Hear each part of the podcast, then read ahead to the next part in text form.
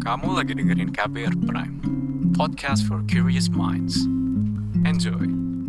This is Climate Tales, bukan dongeng tentang perubahan iklim.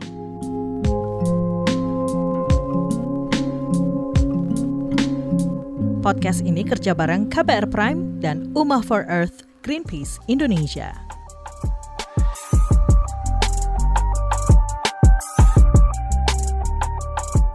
Saya Naomi Liandra. Anda sedang mendengarkan Climate Tales, kerja bareng KBR Prime dan Greenpeace Indonesia. Perkara perubahan iklim menjadi perhatian banyak orang karena merupakan perkara bersama yang kudu dicari solusinya. Cara-cara radikal atau menggunakan berbagai macam pendekatan sudah dilakukan.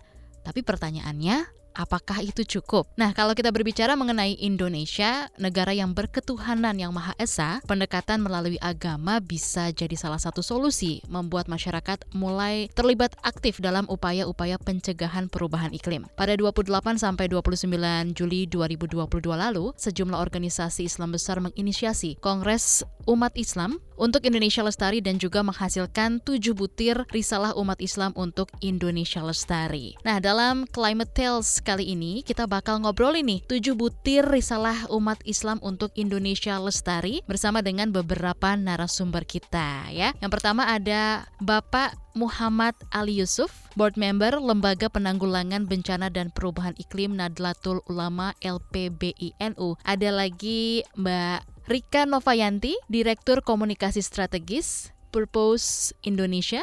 Kemudian Mas Eji Anugrah Ramadan dari Uma for Earth Greenpeace Indonesia. Nah di kesempatan hari ini kita mungkin mulai dulu dari Bapak Ali ya. Nah Pak Ali uh, bisa dijelaskan kepada kita semua di sini yang sedang mendengarkan juga tujuan diselenggarakannya kongres ini untuk apa nih Pak? Ya pertama adalah sebenarnya semua pihak terutama terkait dengan terutama apa institusi keagamaan Islam sebenarnya sudah punya inisiasi ya Mbak atau Mas Mbak dan Ibu semua terkait dengan penanganan perubahan iklim. Ini yang menjadi uh, titik tolak kita sebenarnya di Kongres Umat Islam itu adalah bagaimana mengamplifikasi upaya yang sudah dilakukan itu untuk lebih besar lagi karena kita tahu bahwa krisis iklim itu sudah sangat sudah terjadi dan sangat berdampak luar biasa kepada kita sehari-hari khususnya kepada umat di bawah ya untuk umat Islam yang berada di grassroots. Nah tentu target kita adalah bagaimana bisa mengkolaborasikan upaya-upaya bersama itu dalam sebuah upaya yang lebih masif gitu, yang lebih bersama-sama sistematis dan kemudian terukur sebenarnya yang paling penting terukur itu. Karena kita tahu bahwa perubahan iklim ini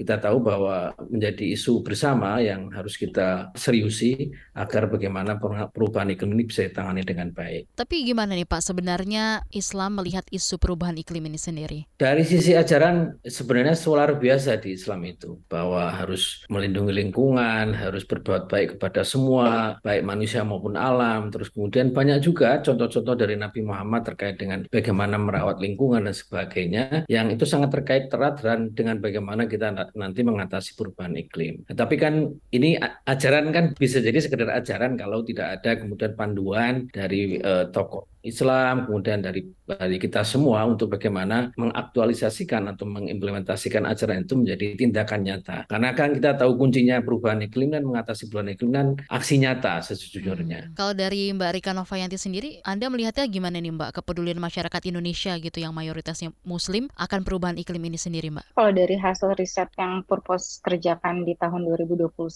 kepedulian itu sangat tinggi ya. Kalau kita lihat itu ada hubungan yang erat antara beriman dengan dengan menjaga lingkungan karena masyarakat Indonesia itu percaya kalau saya beriman uh, maka saya harus menjaga lingkungan sebagai bagian dari iman. Jadi mungkin kita semua pernah ingat pernah ada riset dari sebuah lembaga internasional yang bilang bahwa oh orang Indonesia itu salah satu yang paling tinggi nih tingkat ketidakpedulian iklimnya lah ya kalau mungkin kalau di Indonesia kan jadi kayak kita itu uh, lebih dari ignoran tapi juga kayak tidak percaya bahwa bahwa perubahan iklim itu nyata tapi kalau dari hasil riset itu kita menemukan bahwa orang itu sangat peduli sangat khawatir cuma memang nggak paham pembahasannya aja karena kan bahasa-bahasa krisis iklim perubahan iklim itu bahasa asing ya jadi mungkin ketika kita bicarakan itu dengan bahasa yang lebih dipahami misalnya bahasa-bahasa agama orang tuh jadi kayak oh betul juga ya. Itu kan kita pernah belajar nih waktu dulu di madrasah mungkin atau di TPA gitu. Bisa dibilang uh, mayoritas masyarakat Indonesia ini mungkin lebih banyak nunggu dulu dong ya para pemuka agama ngomong apaan soal perubahan iklim gitu. Nah, peran seperti apa nih Mas uh, yang harusnya diambil oleh para pemuka dan juga tokoh agama dalam kaitannya dengan perubahan iklim? Perubahan iklim atau bahkan krisis iklim ini sudah bisa dirasakan oleh semua sebetulnya. Uh, siapa pun itu, apa pun statusnya begitu ya. Dan Greenpeace memang sejak awal tahun 80-an sudah kritis, eksis, terus melakukan aksi langsung bahkan uh, terhadap isu-isu lingkungan. Nah, dalam hal ini untuk menangkal atau menghentikan krisis iklim ini uh, terus melakukan itu dan tentu dalam konteks Indonesia kita perlu uh, kerjasama sebagai civil uh, society Uh, dan juga terus mendorong pemerintah uh, yang juga punya kekuatan uh, besar ya untuk ke merubah arah kepemimpinan, arah uh, pembangunan dan sebagainya itu untuk ke lebih orientasinya kepada penghentian uh, krisis iklim itu yang paling penting. Terus adapun uh, misalkan bagaimana dengan uh, civil society lain terutama yang di Indonesia yang uh, mengakar sebagaimana tadi juga kata Mbak Rika bilang ya, orang Indonesia bisa dibilang juga apa berdasarkan riset-riset juga sangat religius dan itu juga sesuai dengan falsafah atau nilai kebangsaan kita. Pancasila artinya ketuhanan yang Maha Esa itu betul-betul melekat dan saya pikir kita harus harus itu sangat strategis bekerja sama dengan para pemuka agama dengan organisasi keagamaan dalam hal ini umat Islam ya. Kebetulan saya juga saya aktivis di Greenpeace terus saya sebagai uh, santri ya. Jadi saya punya sense itu gitu. Dan apalagi keutamaan tokoh agama misalkan itu juga masih uh, sangat efektif sangat didengarkan dan uh, kita harus uh, mengengage mereka. Dan saya optimis uh, kita bisa bekerja sama uh, dan ini menjawab juga dari misalkan ada riset-riset sebelumnya itu yang mengatakan bahwasannya banyak climate deniers ya yang mengatakan bahwasannya perubahan iklim itu tidak ada. Uh, saya kira sekarang ini bahkan teman-teman Purpos juga sudah melakukannya, uh, itu ternyata signifikan uh, perubahannya dan saya pikir akan sangat terus uh, efektif dengan tadi itu apa bekerja sama dan mendorong terus juga pemerintah untuk lebih ambisius bahkan bukan lagi ambisius lebih kuat lagi. Tadi sempat disampaikan sama Mas Enji soal climate denier gitu. Untuk climate denier ini ada nggak cara-cara khusus gitu yang dilakukan untuk mengedukasi mungkin? Saya kira dengan pendekatan keagamaan tentu tidak hanya dengan pendekatan keagamaan ya, tentu dengan pendekatan pendekatan sosial budaya dan kemudian juga sains saya kira ini juga menjadi target kita di Kongres Umat Islam bagaimana masyarakat secara luas itu bisa mengerti bahwa saat ini telah terjadi krisis iklim dan kemudian membutuhkan uh, dukungan dan aksi yang luar biasa tanda kutip ya kalau tidak kalau tidak mengatakan radikal kira-kira begitu untuk bagaimana kita menangani krisis iklim ini. Nah, saya kira terkait dengan denial kan itu soal mana peningkatan pemahaman dan awareness yang itu menjadi salah satu poin risal umat Islam. Bagaimana tadi disampaikan Mbak Rika bahwa isu perubahan iklim ini kan lebih banyak orang melihatnya sebagai isu ya memang kenyataannya begitu ya isu yang sangat saintifik. Karena terkait dengan derajat Celcius segala macam terlalu ini juga bagi masyarakat untuk bisa langsung memahami sehingga menggunakan pendekatan keagamaan dan bagaimana kita bisa membuat panduan bagaimana melakukan aksi nyata untuk mengatasi krisis iklim ini saya kira menjadi tugas tokoh-tokoh umat Islam terutama dan para pemimpin agama dan sekaligus mereka saya kira harus menjadi panutan untuk paling depan menjadi garda terdepan untuk melakukan aksi untuk mengurangi atau menangani perubahan iklim itu. Saya kira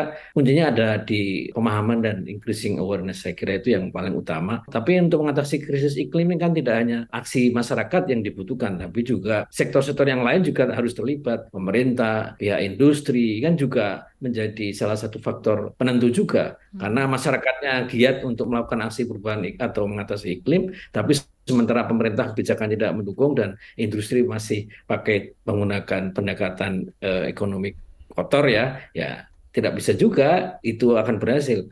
Nanti yang disebut kata kuncinya adalah kolaborasi dan kerjasama semua pihak. Karena kan perubahan iklim ini atau krisis iklim ini kan cross-cutting isu ya saya kira. Semuanya itu terkait dari mulai ekonomi, sosial, agama, sains, dan sebagainya gitu. Kalau boleh tahu nih Pak, kalau secara real gitu diterjemahkannya seperti apa? E, dakwah atau ada yang lainnya gitu? Sebenarnya kita sudah punya banyak panduan Pak, tetapi hmm. memang setiap dai atau di lokasi masing-masing lokasi itu kan punya kearifan lokal yang memang harus dikemas ya bagaimana sih sebenarnya misalkan dengan para orang lanjut usia yang kemudian mungkin pengetahuan terkait dengan isu-isu saintifiknya tidak kuat seperti sekarang misalkan. Contoh saja misalnya beberapa cara misalnya untuk mengatakan bahwa sekarang dunia ini atau bumi ini sedang tidak baik saja atau sedang terjadi krisis iklim kan bisa jadi mengibaratkan bahwa badan kita sedang demam. Kalau demam itu berarti ada suatu atau ada gangguan kesehatan atau ada persoalan kesehatan yang sedang menimpa, menimpa tubuh kita. Itu kan bisa diibaratkan dengan bagaimana sekarang ini terjadi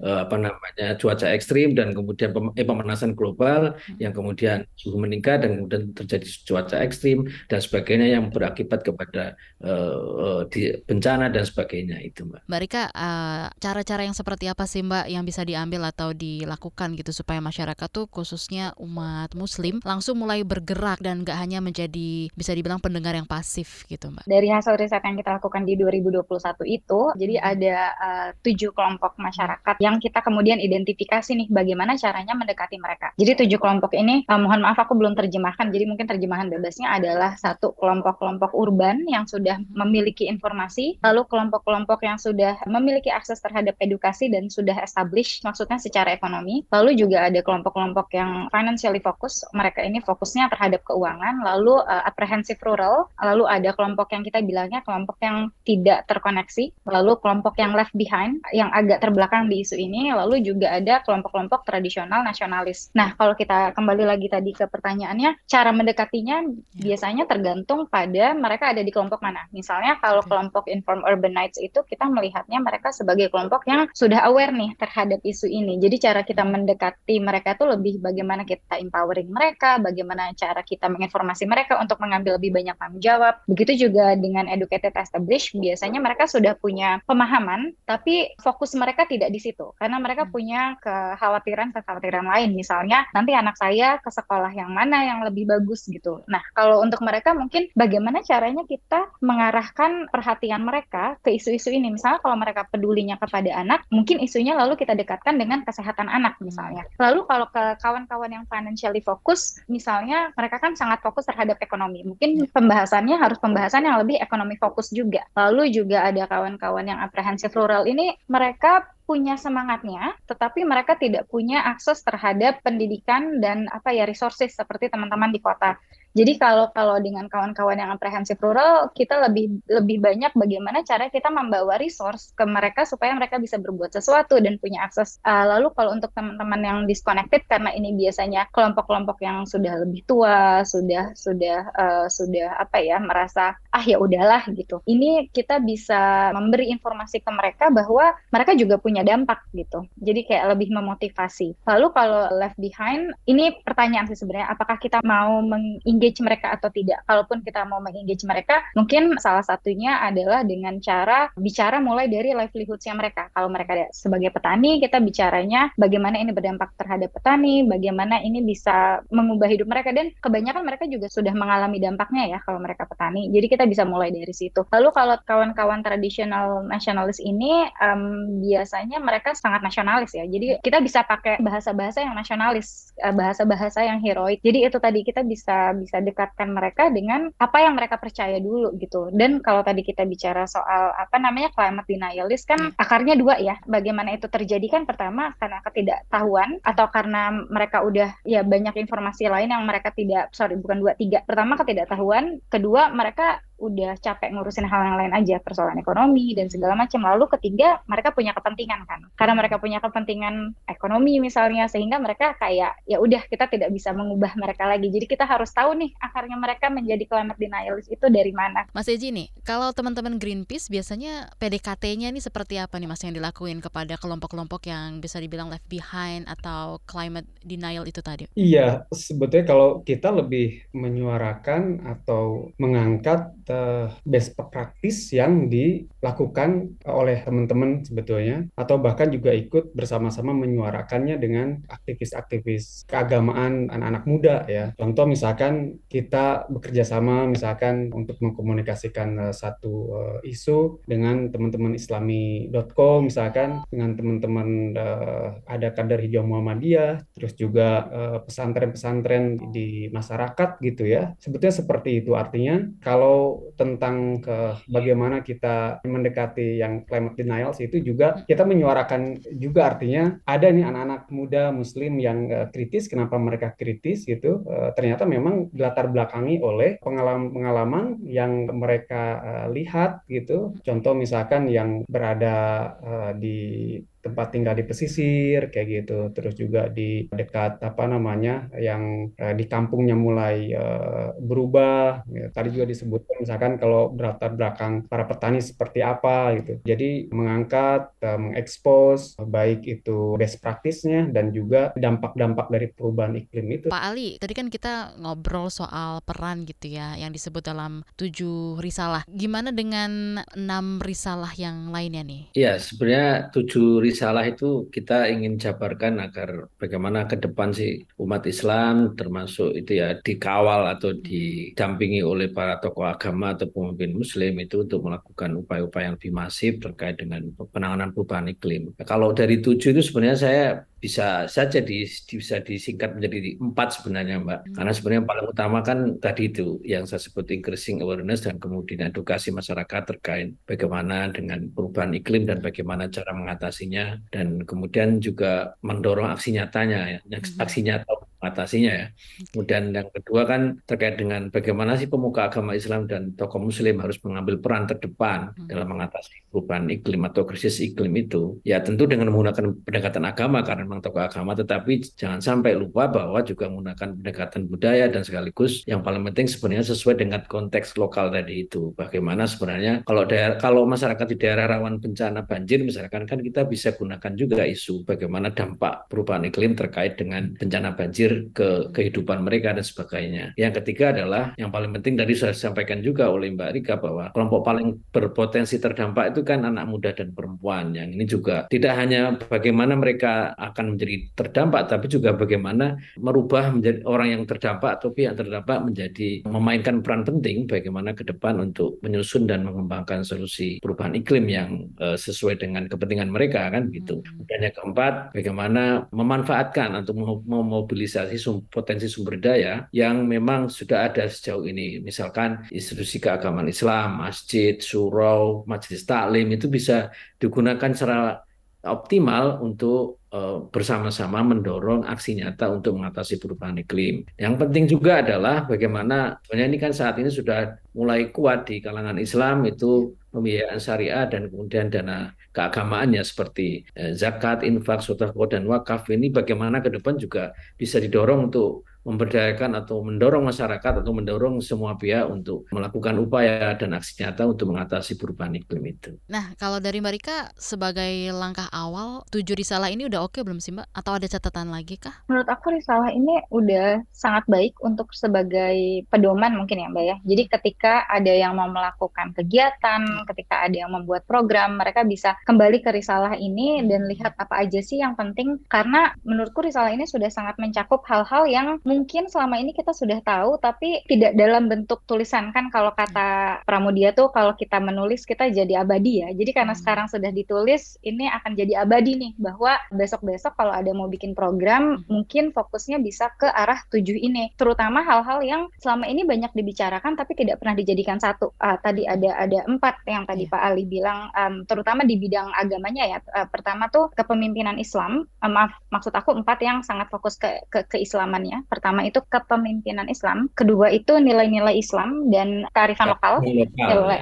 nilai-nilai Islam dan kearifan lokal, lalu juga pembiayaan-pembiayaan keislaman, kan kita punya banyak tuh zakat, infak, sodakoh dan segala macam. Lalu yang yang terakhir itu infrastruktur keislaman yang tadi Pak Ali bilang kita hmm. punya madrasah, punya masjid dan segala macam. Ini mungkin di teman-teman aktivis-aktivis Islam hal ini sudah biasa, tapi ketika kita bicarakan ini ke kelompok-kelompok yang lebih luas, teman-teman biasanya bilang, wah bener juga ya ya keren juga ya kita nggak pernah kepikiran jadi mungkin ada ada sedikit gap antara kawan-kawan aktivis muslim dengan kawan-kawan uh, di luar itu sehingga ketika ide-ide teman-teman aktivis Islam ini atau aktivis kesannya gahar banget ya. Maksud aku adalah aktivis adalah orang yang aktif melakukan sesuatu. Jadi kawan-kawan yang aktif melakukan kegiatan ini lalu kita bawa ke kelompok masyarakat yang lebih luas, ide-ide ini dianggap baru dan brilian gitu. Jadi mungkin perlu lebih banyak dikomunikasikan karena ide-ide yang brilian ini kalau cuma ide aja kan sayang, ya, sayang ya harus banget, bisa kita iya. realisasikan. Dari Mas Eji, ini uh, gimana nih Mas tanggapan Greenpeace mengenai tujuh risalah yang dihasilkan umat Islam untuk Indonesia lestari, Mas? Pertama tentu kami sangat mengapresiasi ya inisiatif teman-teman sehingga melahirkan risalah tersebut ya ada tujuh oh, poin dan juga kepada lembaga-lembaga organisasi Islam intelektual muslim pada para kiai itu hal yang sangat monumental saya pikir. Dan ini lagi-lagi membuat optimisme gitu ya kita uh, bisa uh, lebih baik terus juga bisa menangkal eh, perubahan iklim ini, menghentikan krisis iklim ini dengan segera dan saya pikir juga ke atas ke bawah ya artinya juga pada umat terus juga atasnya tentu juga saya kira para pemegang kebijakan itu mereka akan sangat uh, terinspirasi dan juga uh, segera membuat keputusan yang sesuai dengan uh, apa yang tidak kita inginkan ya. Misalkan ya krisis iklim semakin rugi semakin hancur kayak gitu saya pikir karena memang beberapa tahun ini bahkan juga beberapa tahun ke depan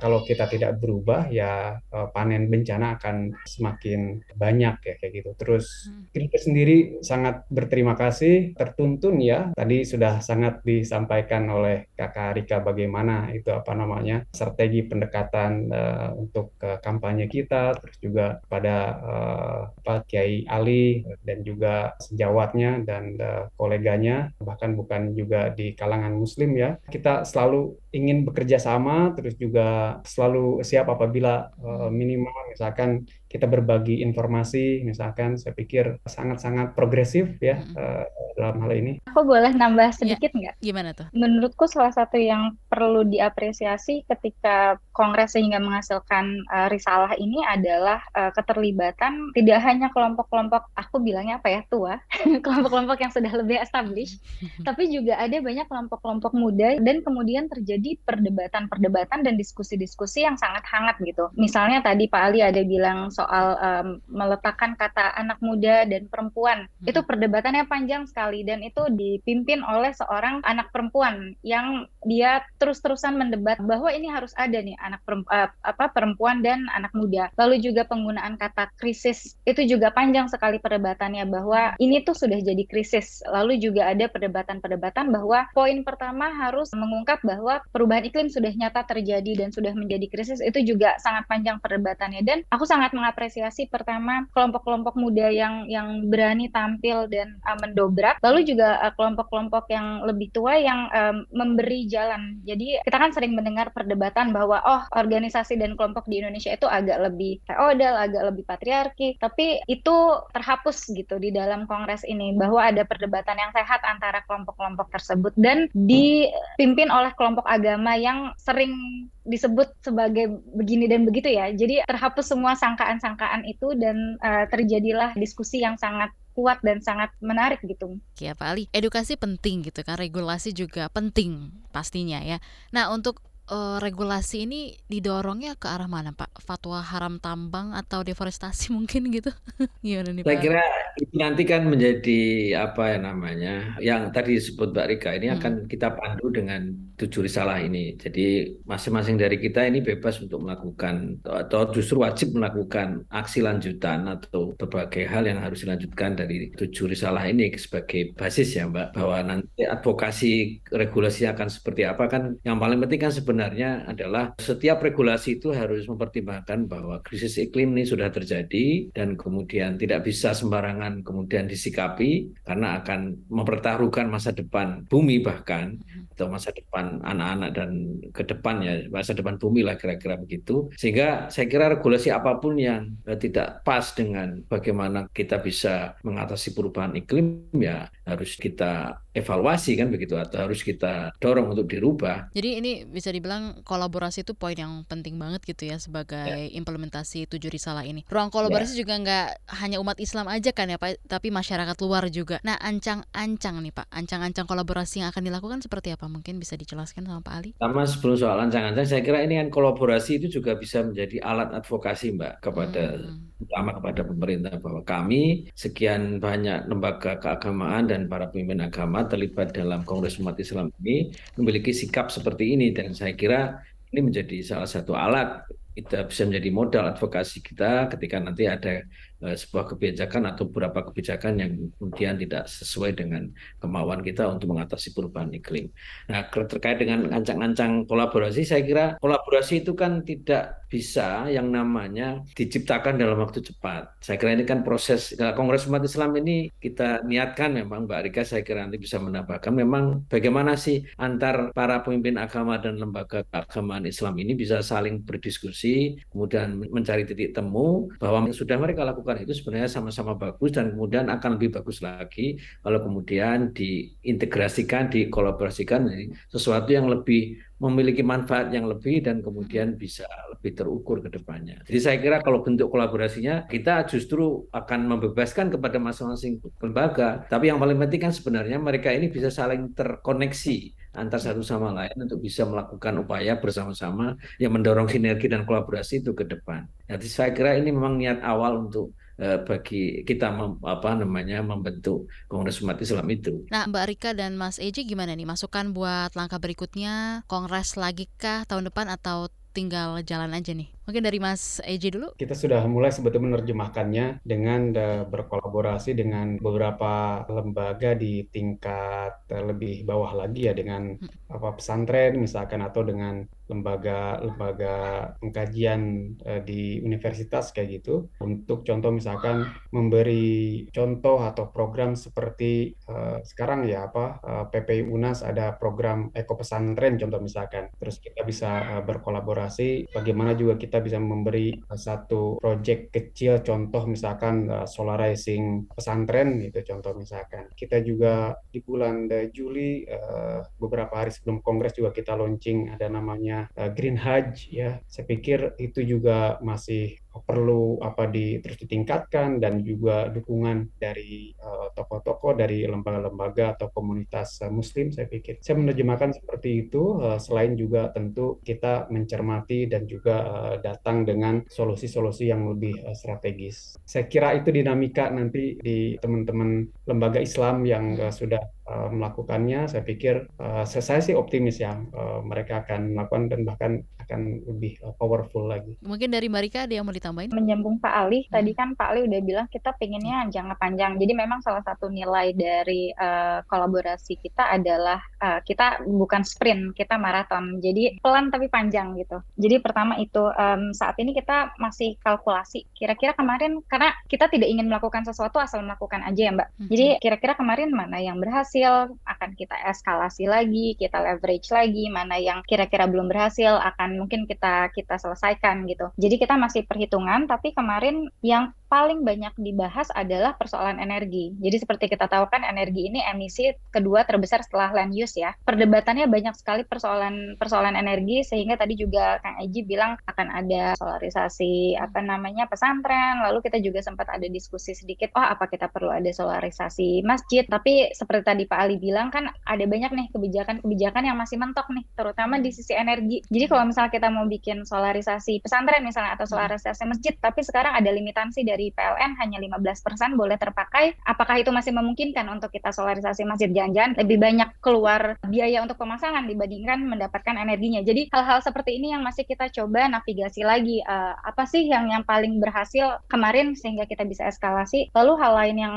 yang sekarang sedang kita coba adalah kita bilangnya bengkel hijrah iklim. Jadi kita membuat program kalau kemarin uh, agak lebih formal, agak lebih serius bikin diskusi, ada wakil presiden, ada ketua-ketua lembaga di bengkel hijrah hijrah iklim ini kita lebih banyak bekerja dengan anak muda, jadi semacam ulama-ulama muda lah. Jadi kan ulama-ulama muda nih masih semangat, followernya banyak di Instagram. Jadi kita masih mencari banyak wadah gitu. Jadi kalau kemarin banyak bicara dengan kelompok formal, kita akan bicara dengan teman-teman grassroots di tapak kira-kira inkubasinya seperti apa. Jadi kan mereka sudah banyak kegiatan-kegiatan di lapangan, mereka sudah sudah jago nih, tapi ya. bagaimana caranya supaya yang sudah mereka lakukan ini bisa semakin besar lagi. Jadi kita akan inkubasi itu dalam uh, bengkel hijrah iklim. Kita ke Pak Ali ya. Mungkin contoh kecil nih Pak yang bisa dilakukan umat Islam untuk memulai ibadah yang lebih lestari lagi. Kira-kira apa nih Pak yang bisa dilakukan? Ya, salah satu contoh misalkan ini kan perubahan iklim ini kan juga berdampak pada krisis air bersih ya Mbak ya. Ini kan juga bisa dilakukan misalkan dengan bagaimana menggunakan pertama menggunakan air wudhu tidak boros ya, kan boros. gitu. Kemudian juga bagaimana sebenarnya air wudhu itu kan bisa juga didaya gunakan kembali, baratnya di wastewater management itu bisa dilakukan recycling ya kira-kira untuk bisa dimanfaatkan ulang untuk segala sesuatu yang terkait misalkan untuk nyiram tanaman, bersih-bersih barang misalkan gitu. Karena memang kalau untuk wudhu lagi mungkin masih ada debatable yang uh mhm. -huh. yang cukup panjang nanti bisa terkait dengan ya, apa namanya suku agamaannya dengan fikih maksud saya. Juga juga banyak hal misalkan saya kira ke depan juga kita perlu sampaikan kepada masyarakat pada para jamaah bagaimana bukan ibadah yang keramah lingkungan. Misalkan ya. juga pengelolaan sampah dan limbah itu juga menjadi salah satu hal penting. Sebenarnya itu kan hal yang sederhana tapi juga sangat bermanfaat untuk mengatasi perubahan iklim. Kemudian juga bagaimana mengurangi transportasi yang berpotensi membuat polusi dan segala macam. Itu kan juga menjadi sesuatu yang penting untuk dikembangkan ke depan. Artinya bahwa jamaah ini kita daya gunakan kita dorong untuk melakukan sesuatu yang real dikerjakan sehari-hari, tapi juga sangat bermanfaat untuk mengatasi perubahan iklim atau memberikan kontribusi yang positif atau yang berarti bagi penanganan perubahan iklim. Demikian Climate Tales episode kali ini. Saya Naomi Liandra pamit. Terima kasih.